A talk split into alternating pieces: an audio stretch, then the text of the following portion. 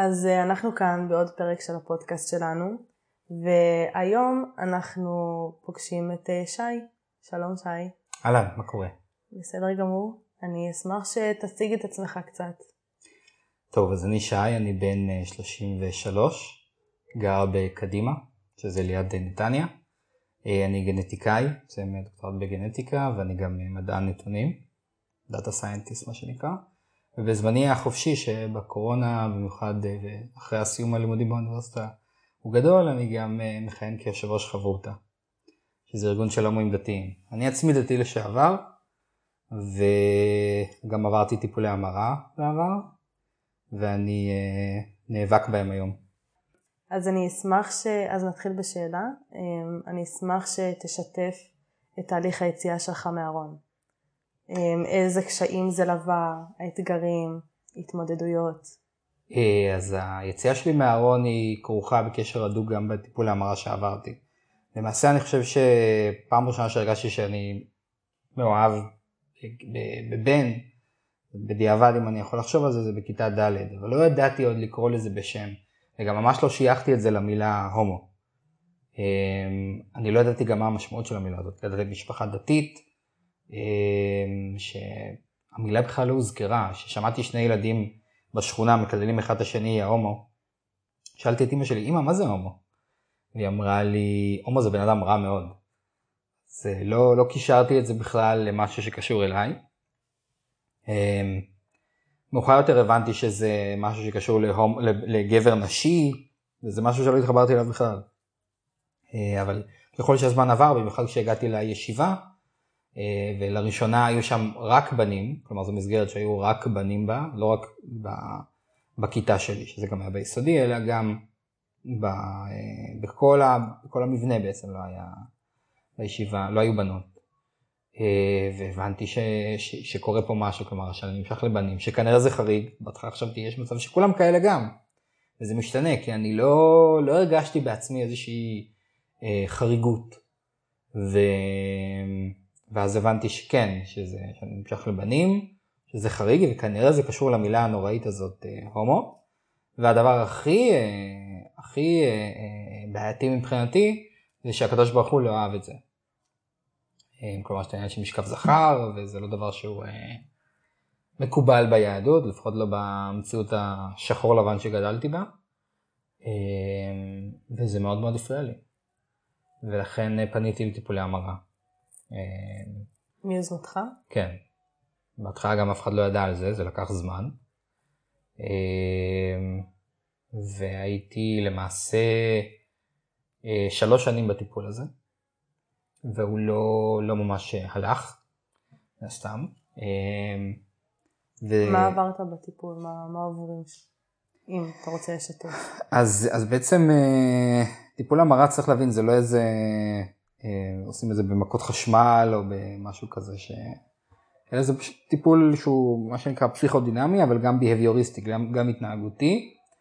אה, והדבר הרע בו בעצם זה שהוא מקדש את, ה, את השינוי, כלומר ההמרה היא העיקר, לא את העיקר בטיפול, אלא ההמרה. אה, וגם אם זה בא על חשבונך, חשבון הבריאות הנפשית שלך. ולמעשה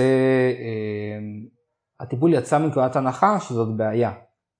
אני באמת ראיתי, ראיתי, ראיתי בזה בעיה, כלומר רציתי להשתנות להיות אה, יהודי טוב, ש, שהגורל שלו אה, מאוד, אה, או דרך החיים שלו יותר נכון, אה, מאוד מאוד ברורה וסלולה, להתחתן עם אישה, להביא ילדים, הכל טוב, כאילו להיות, ב, לקיים את הרג מצוות, להיות אה, הכי, הכי טוב שאפשר. אה, ובעצם אה, זה, זה די אה, אה הרס את זה. אה, הנטייה המינית מבחינתי, כלומר זה קלקל את התמונה ולכן כל כך רציתי להשתנות. אה, למה אבל... החלטת לצאת בסוף מהטיפולי המרה?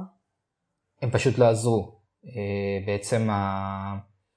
בטיפולים אז היו שלושה חלקים נגיד ככה. קודם כל עשה את זה פסיכולוג קליני, כלומר אדם שהוא פרופסור. הוא עשה את זה כשזה לא היה חוקי למעשה.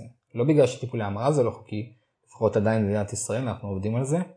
אלא שאסור לטפל בקטין ללא ידיעת הוריו. וזה בדיוק מה שעשו. אמ, זו בעיה. ו... והטיפול התחלק לשלושה חלקים, פחות או יותר, חלק ראשון היה מין הלבשת נרטיב כזה עליי, כלומר להגיד איזשהו סיפור, אמ, למה אני הומו בעצם. כן, אולי כשהייתי ילד קטן אז שיחקת בברבי, או ששמת שמלות, או איזה, ואני כאילו, לא, זה לא מה שקרה. אימא שלך הייתה גברית, ממש ניסיון לצייר גם אילן יוחסין כזה של אנשים במשפחה שאולי הם בעייתיים, הם אלימים, הם הימרו, הם, אה, כדי להצביע על זה שזאת איזושהי נטייה קרימינלית כזאת, שפשוט אה, אה, עברה גם אליי. אבל אה, זה, זה גם לא מה שקרה, ופשוט לא הבנתי איך זה אמור לשנות אותי. אה, מבחינתי הבעיה היחידה לא הייתה בי עצמי, אלא הבעיה שהקדוש ברוך הוא לא אהב את זה, זה הכל. החלק השני היה באמת חלק התנהגותי יותר, זה מה שנקרא ביהביוריסטי, אה, שבו הוא אה, ניסה לתת לי כל מיני משימות, כלומר איך להימשך לאישה, לראות פורנו של נשים, לנסות ולהסביר לו כל מיני דברים, כאילו איך איך אני, איך אני מאונן, איך אני, כל מיני דברים כאילו מאוד מאוד מיניים, על מה בדיוק אני מפנטז וכאלה, ואני, קודם כל זה בן אדם מבוגר, שלא היה לי כל כך נעים בתור ילד בן 13-14 לדבר איתו על הדברים האלה, גם אני לא חושב שדיברתי אף, עם אף אחד אף פעם על הדברים האלה, כי הייתי ממש ילד טוב בירושלים. אמ, זה היה מאוד לא נעים. גם הוא אה, רצה שאני אה, אשים גומייה כזאת, אה, בדיעבד הבנתי שזה קרה לו עוד הרבה. וכל פעם שאני חושב על בנים, אז בעצם אני אמשוך בגומייה, אני אשחרר, זה יכאב לי, ואז תהיה מין התניה כזאת ל... אמ, ל, ל, ל, של כאב יחד עם משיכה לבנים, עם מחשבות על בנים, ואז אני אפסיק לחשוב על בנים. היום אנחנו יודעים, וגם בתואר בביולוגיה למדתי, שבתחום הזה, ההתנהגות בעלי חיים, אה, כבר לא משתמשים כל כך בהתניות האלה, כי, כי המחשבה אפילו של בעלי חיים היא יותר מורכבת. וקל וחומר שבני אדם. אז שיטות מאוד מאוד לא, לא רציניות. אמ, במהלך הזמן הזה גם הייתה לנו כאילו מין מערכת ענישה כזאת שאם אני חושב על בנים אז אני צם, אני כאילו אה, תורם כסף וצדקה, אני עושה כל מיני דברים, אני מעניש את עצמי באיזה משהו, בתקווה שזה יעזור כאילו, לא, מה זה בתקווה? לי הייתה תקווה ולא זו הייתה המטרה אבל זה לא בדיוק עבד. והחלק השלישי היה אזהרות כזה, הוא תמיד אמר ש... אה, תראה, אה, הומואים הם אנשים מאוד אומללים, הם מתאבדים אה, בגיל צעיר, הם מתים לבד, אין זוגיות, אין שום דבר, הכל כאילו חיים מאוד קשים, עושים סמים, הם כל היום במסיבות, הם, הם, הם רוקדים ערומים על משאית במצעד הגאווה, ואני לא הכרתי הומואים בכלל, ולא הכרתי, נראה לי, את תל אביב גם. אז, אה, אז חשבתי שזאת האמת. וככל שהזמן עבר זה לא, זה פשוט לא, לא עבד, הטיפול הזה לא עבד, כאילו שלוש שנים. ו... ולקראת הסוף כשאמרתי לו שזה, מה קורה, זה, שום דבר לא משנה, שום דבר. וזה מאוד מאוד תסכל אותי. אז uh, הוא אמר, תראה, אם, אם אתה לא משתנה, הוא אומר, מי, ש, מי שרוצה משתנה, ואם אתה לא משתנה אז כנראה שאתה לא רוצה מספיק. ומבחינתי זה היה שקר הכי גדול, כי אני ידעתי ברמת האמת המוחלטת כן? שאני, שזה הדבר שאני הכי רוצה בעולם, כלומר כל הזמן התפללתי כמה שיותר בשביל כאילו הקדוש ברוך הוא בבקשה תשנה אותי וזה לא, זה לא קרה. אמ, וגם הרגשתי שאני מתפוצץ מבפנים, אני לא בן אדם שמסתיר דברים, אני לא בן אדם ש... כאילו בן אדם שכן רואים עליו בדרך כלל מה הוא מרגיש ומה הוא חושב. אמ, וזה היה לי מאוד קשה גם להסתיר את זה. כלומר זו חוויה מאוד מאוד מרכזית בחיים שלי שאף אחד לא היה שותף לה. ולכן אה, דיברתי עם אה, שני חברים מאוד טובים, סיפרתי להם, והם קיבלו את זה, האמת, ממש טוב. בישיבה? כן, לא אמרתי להם שאני, אה, שאני הומו, אמרתי להם שאני נמשך לבנים ואני מנסה לשנות את זה. זה היה כשהייתי בן 15 כבר. ובאמת שמרו על זה בסוד כמה זמן, ואז הם דיברו על זה ליד מישהו שלא היה צריך לדבר לידו בישיבה, ואז בעצם זה נודע בכל המחזור, והייתה תקופה כזאת של התעללות כזאת, הלכתי הרבה מכות באותה תקופה. ישיבת בני עקיבא נתניה. אמ, וזו הייתה תקופה מאוד מאוד רעה, כי פתאום גם אין חברים. וה... כמה חברים שקיבלו אותך? אז, אז הם היו כאילו, בגדול התנתקתי מהרבה, אני חושב, מסביבת ה... מהחברים שלי באופן כללי, אבל אה, כן, הייתי בקשר איתם, אבל זה עדיין הרגשתי תמיד סוג ב', גם בגלל שהיה מין חרם כזה מחזורי, אז גם היחס שלהם היה בסופו של דבר קצת שונה, אני חושב. אמ, בדיעבד אגב שניהם יצאו מהארון בגיל אה, יותר מאוחר, במקרה אה, או שלא. אמ, כאילו הרבה יותר מאוחר. אז אה, איכשהו גם השפיע עליהם כנראה, מהבחינה הזאת של מתי לצאת, או, או החשיבה שלהם על זה. אמ, וברגע שזה התחיל להגיע למורים, אז ממש פחדתי שזה יגיע לאימא שלי, ואז יעיפו אותי מהבית או משהו כזה, ואני לא, לא ראיתי כאילו ממש אה, תקווה ממצב שכזה. ובנוסף גם אה, למדנו בסנהדרין בגמרא בדיוק בסוגיה את, את סוגיה של ייהרג ואל יעבור. שזה בעצם, אה, יש שלוש עבירות ביהדות שעדיף למות ולא לקיים אותן, לא לעבור עליהן בעצם. זה שפיכות דמים, עבודה זרה וגילוי עריות. שגילוי עריות ביהדות זה כולל גם משכב זכר. אה, אז חשבתי שזה מסר מאוד מאוד אה, ישיר מהקדוש ברוך הוא אליי. והחלטתי שאני צריך לסיים את החיים שלי. והיה לי איזשהו ניסיון התאבדות, שברוך השם לא צלח באמת. ואחריו החלטתי שאני מקבל את עצמי. כלומר, ההישרדות אמ, גרמה לי לבחור. לבחור באיזושהי מציאות, כן, לבחור במציאות שהיא הלכה דווקא נגד אלוהים מבחינתי. כלומר, הייתה חילונית. ואני חושב שמגיל 16 עד גיל 18, אפילו שעדיין קיימתי מבחוץ את המצוות, הייתי כלפי חוץ אדם דתי, בפנים כבר ממש כפרתי כזה.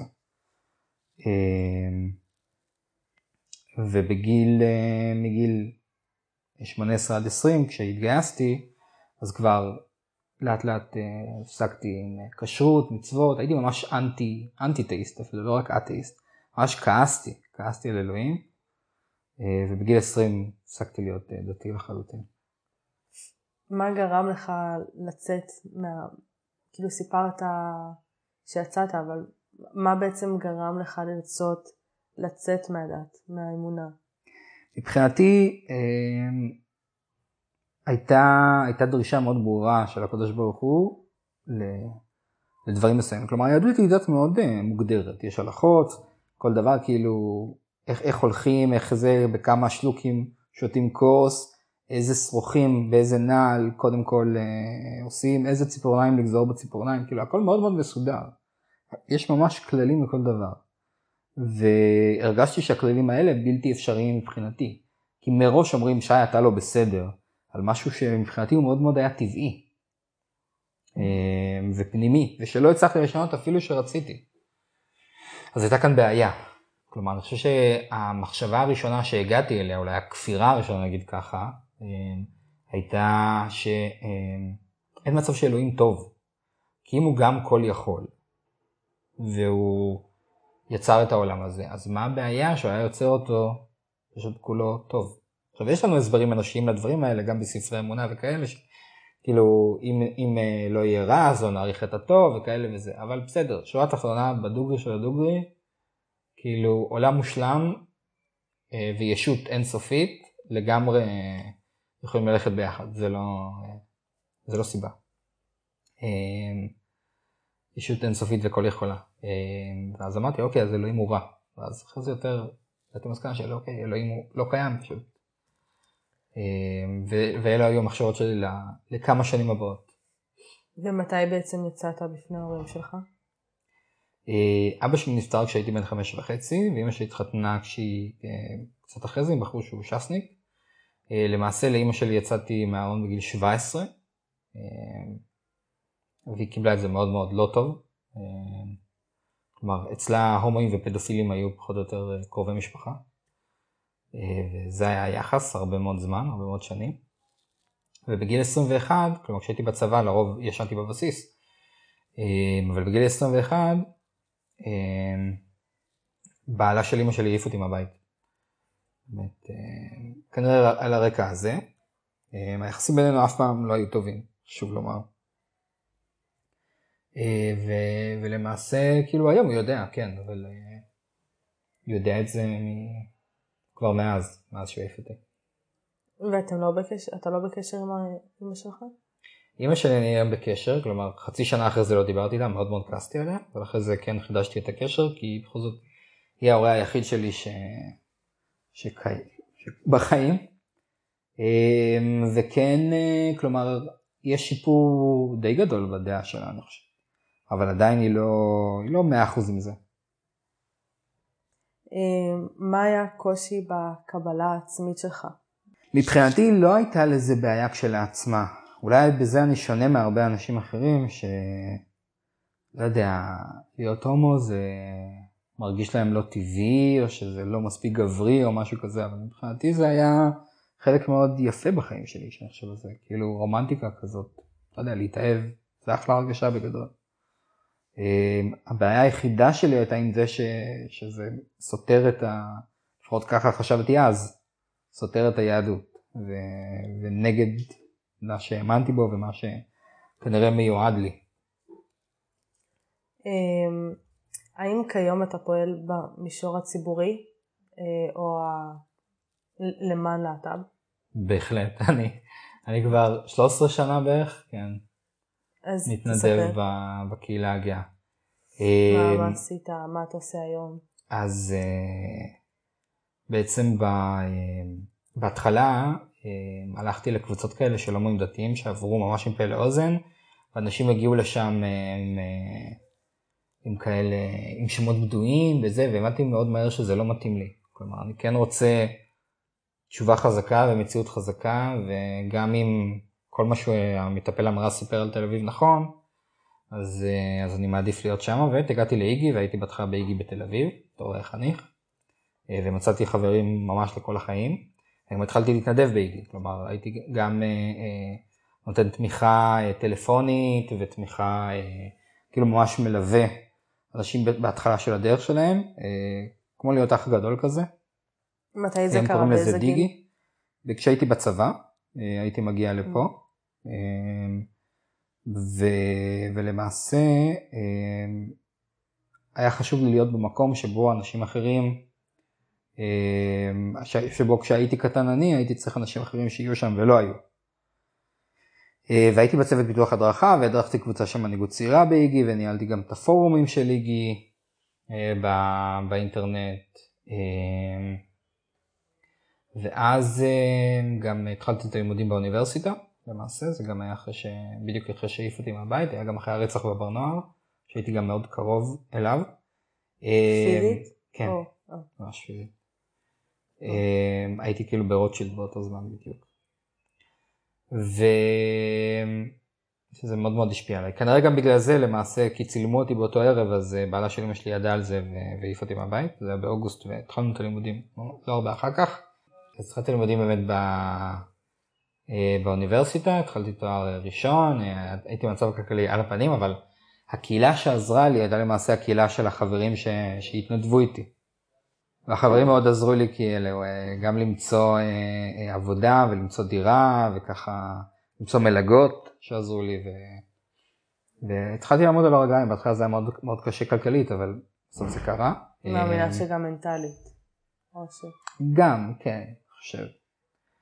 לאט לאט גם שחררתי מהכעס מאלוהים, גם מצאתי בן זוג שהייתי איתו חמש שנים, שהוא גם דתל"ש והיינו סוג של משפחה אחד, אחד בשביל השני. ואז הבנתי גם שיש הומואים דתיים, ושאפשר אה, לחיות כנראה גם כהומו וגם כדתי. אבל עדיין לא הייתי כל כך מעורב בעשייה הזאת ובקהילה הזאת. הייתי נשיא אגודת הסטודנטים של אוניברסיטת תל אביב. הייתי רכז קשרי ממשל של האגודה למען הלהט"ב. אה, והקמנו את ארגון האחווה הסטודנטלית הגאה, שזה ארגון של אה, של סטודנטים, סטודנטים להט"בים בישראל, אה, שיש לנו נוכחות בכל קמפוס, וניהלתי את זה גם אה, כשנה. אה, ואז נבחרתי לוועד המנהל של האגודה, של האגודה למען הלהט"ב, שזה ארגון הגג של, של הקהילה הגאה למעשה, ובכל השנים האלה כבר סיימתי תואר ראשון, תואר שני, תואר שלישי, והתעסקתי המון המון בסוגיות להט"ביות באופן כללי, אם זה ללכת לכנסת ולדבר, אם זה בעצם אה, גם להילחם בטיפולי המרה, גם על ידי זה שהגשתי תלונה יחד עם ארגון איגי אה, והאגודה נגד מטפלי המרה, פשוט לא עשו עם זה כלום, שר הבריאות היה ליצמן, ניסינו לקדם חוקים שנוגעים לזה, גם זה לא בדיוק הלך, אבל עשינו הרבה מאוד הסברה על זה. והיום אני חושב שאנשים יותר יודעים על זה מפעם. מי שהיה חניך שלי באיגי הפך להיות יושב ראש חברותה, ואז הוא ביקש ממני לבוא ולהיות חבר ועד, ובאתי והייתי בעצם הסגן שלו, ואז החלפתי אותו, כלומר הוא כבר אה, קצת אה, אה, התעייף, ואני החלפתי אותו ונעשיתי יו"ר, נבחרתי להיות יו"ר חברותה, אה, ופתאום מצאתי את עצמי במקום של אה, כאילו מין השלמת מעגל כזאת, כאילו המקום שממנו יצאתי ופעם די שנאתי את הזהות הזאת, ועכשיו אני די סבבה איתה, אני חושב, כלומר הזהות הדתל"שית, וה... בכלל המציאות ה... ה... הזהות הזאת היהודית, שכאילו הייתי בהתחלה אנטיטיסט כזה, אבל זה היה פשוט מאוד מאוד קשה, כלומר בשלב יותר מוקדם כבר, כשהייתי בן 22-3, הייתה מין מלגה כזאת שנתנו, ונתנו אותה רק לאנשים שהם חילונים מלידה. שהיית באה, לומדת כאילו פרשת שבוע עם אברכים, היו נותנים לך כסף, זה היה הכי הרבה כסף, זה היה כאילו המלגה מקבלים הכי הרבה כסף, היו נותנים לאברך כסף, ו... וככה כאילו היינו, אה, היינו זה, לומדים, כאילו זה היה סוג של אה, ניסיון להחזרה בתשובה כזה. אה, ואני שיקרתי ואמרתי שאני חילוני מלידה כי רציתי לקבל את הכסף, כי זה היה המון כסף והייתי במצב כלכלי על הפנים אז. ואז אמרתי שאני רוצה ללמוד גמרא, כלומר, אני זוכר זה היה מין בית כנסת כזה ברמת אביב ליד האוניברסיטה, ופשוט הספרים שם הרגשתי שקראו לי, כאילו הגמרא, ממש התגעגעתי ללמוד גמרא. אמ, ואני, ואז כאילו אמרתי שאני רוצה ללמוד גמרא, ואמרו שזה קשה, כלומר אני לא אבין, זה לא דבר שפשוט ללמוד אותו. אה, אבל בכל זאת התעקשתי, ואז הם ראו שאני גם יודע ללמוד, ואז הם אמרו, רגע, מה, מה הסיפור? לא אמרת לנו שאתה חילוני מלידה, ולא, כאילו, מאיפה אתה יודע את הגמרא? אמ, אז אמרתי שלא, שיקרתי, ושאני דתי לשעבר למעשה, וזה בסדר, אני לא אקח את הכסף הזה, אבל מה שיצאתי מזה אולי מבחינת עצמי זה שאני יותר מחובר לזהות הזאת, כלומר זה בסדר לקחת את הדברים שטובים לי בזהות היהודית שלי, הדתית לשעבר הזאת, אמ, ו- ולוותר על כל השאר, ובעצם שבן אדם יכול כן לשלב אה, מרכיבים מהזהות הדתית עם הזהות הלהט"בית. ושלא הכל שחור ולבן כמו שגדלתי, כלומר יש הרבה אפור בדת, ושמלכתחילה באופן, יהודי, באופן כללי כנראה שהמציאות שה, היהודית היא לא מציאות של שחור ולבן אף פעם, יש 613 מצוות ואין אף אחד בעולם שיכול לקיים את כולם או אחד שיעבור על כולם בהכרח, זה בסדר. כלומר אפילו בתורה יש, יש מושג של חטאת, קורבן חטאת. אם בן אדם עושה חטא, הוא מביא קורבן חטאת. וזה בעצם אומר שיש הכרה בזה שכן, אנשים טועים, זה בסדר. אמ, וחוסר השלמות הזאת, שהיא גם מאוד מציאותית בסופו של דבר, מאפשרת לי ל... להחזיק בזהות שהיא כאילו דתל"שית, שבמילה דתל"ש, דתי לשעבר יש גם דתי, סוף. אמ, ולכן גם משתלב לי מאוד, אה, אה, זרם כזה מאוד טוב להיות יושב ראש חברותא, כי אמנם אני דתל"ש, אבל ברוב הארגון הם דתיים, אבל אה, למעשה אה, הדתל"שיות שלי אולי אה, יותר רכה, נגיד ככה. לא מקיים היום את המצוות באמת, אבל, אבל כן, אה, לא שומר מצוות אולי כמו דתי, אבל כן, אה, כן נגיד לומד דף גמרא ביום וכאלה. אני אשמח שתספר קצת על החברות, על המאזינים שלנו שאולי קצת מתעניינים בזה. אז חברותא הוא ארגון של הומואים דתיים, כלומר של גברים הומואים, ביסים, טראנס, אה, שנמצאים על הרצף הדתי, אם זה חרדים, אם זה דתיים לאומיים, חרדים לאומיים, מסורתיים, דתיים לשעבר, כל מי שהגיעו מרקע דתי כלשהו, אמ, והוא פועל בעיקר בשני מישורים. מישור אחד זה מישור חברתי, אנחנו יוצרים קהילה ובית ללהט"בים דתיים, אם זה שבתות שאנחנו עושים, פעילות של בית מדרש, יש לנו עשר קבוצות חברתיות ברחבי הארץ, אנחנו רק גדלים כל הזמן, יש קבוצה לחרדים, יש קבוצה דובר אנגלית, יש קבוצות לתלמידי ישיבה, לגברים שהם נשואים והם בארון, ויש לנו גם כל מיני פעילויות שהן נושאיות, בעיקר מסביב לחגים, סעודות שבת שאנחנו עושים ביחד. ואנחנו יוצרים פשוט קהילה שהיא יותר, נגיד ככה, שפויה לדתיים. גם פתאום, כאילו, מין מציאות כזאת של, של, גם של בילוי וגם של בית. שאנשים יכולים להרגיש שם נוח, גם בתור דתיים ואנשים שדוברים את השפה שלהם ובאורח החיים שלהם. ומהצד השני אנחנו מקדמים שיח תומך אה, בלהט"בים במגזר הדתי. אנחנו בקשר גם עם רבנים, יש לנו פורום רבנים שהרב אלקנה אשר לא הוא חלק ממנו. יש לנו אה, למעשה אה, מין פורום של, של אנשי תקשורת, תא כתבים, תא כתבים שהוא אה, דתיים ימניים, אה, שאנחנו מנסים לקדם שם את השיח הסובלני יותר כלפינו, כלומר להגיד, כאילו חבר'ה, יש, יש אנשים להט"בים דתיים במגזר הזה ואתם צריכים להכיר בזה ולדבר גם עלינו.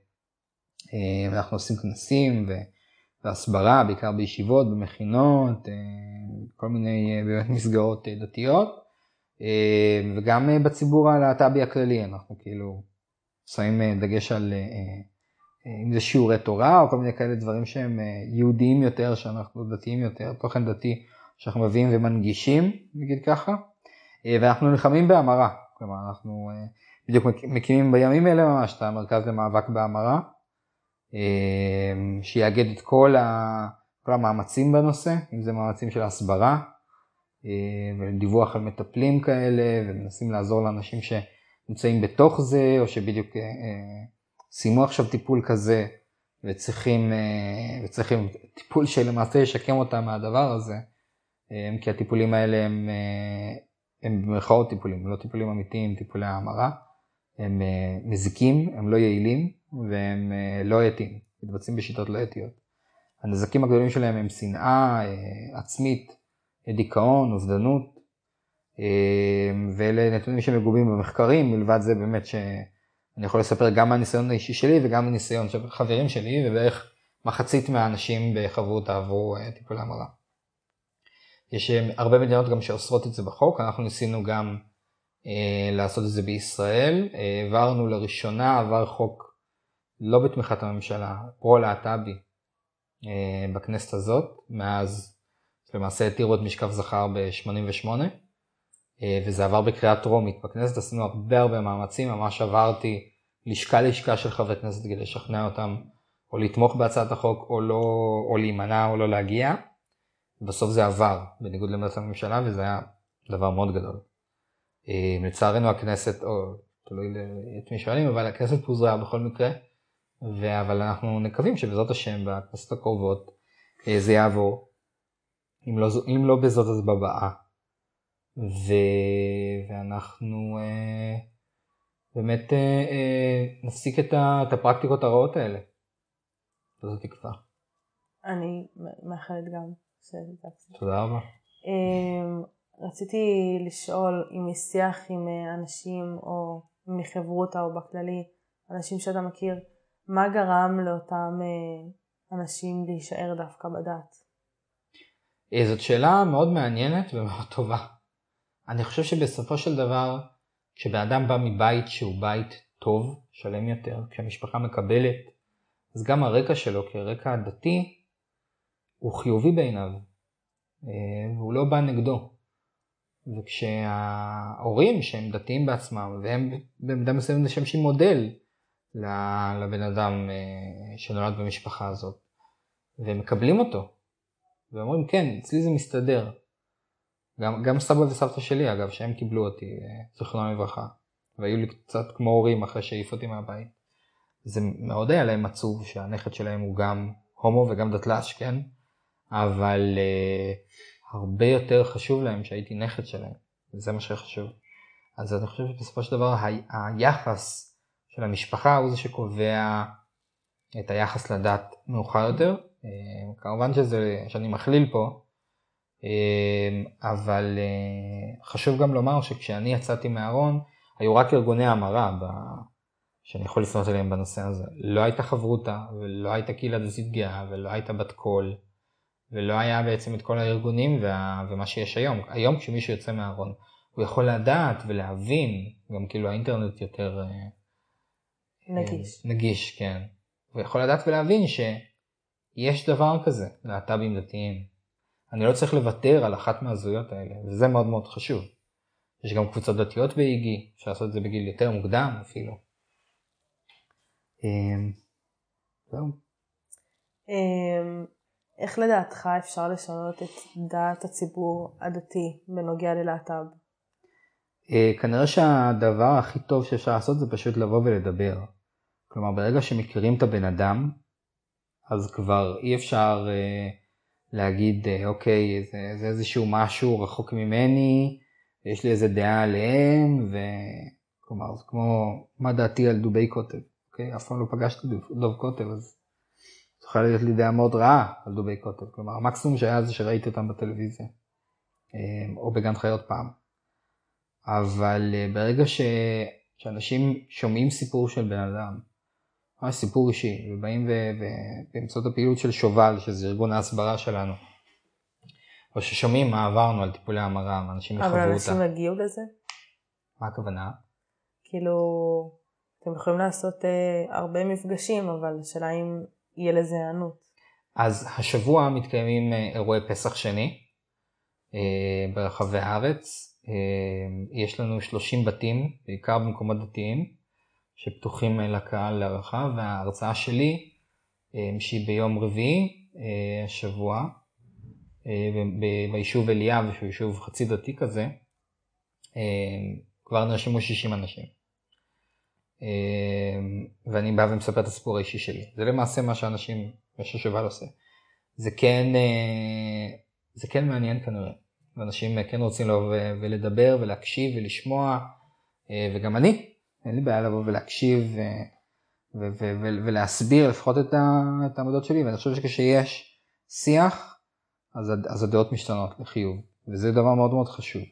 בכל, בכלל בכל דבר של, של סכסוך אנושי.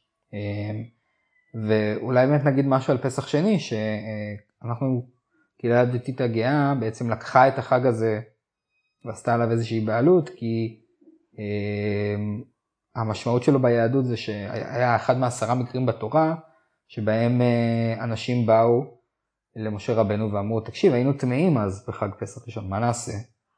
לא יכולנו להקריב את הקורבן פסח, ואנחנו בכל זאת רוצים להיות... אה, אה, להקריב את הקורבן פסח כמו, כמו כל העם.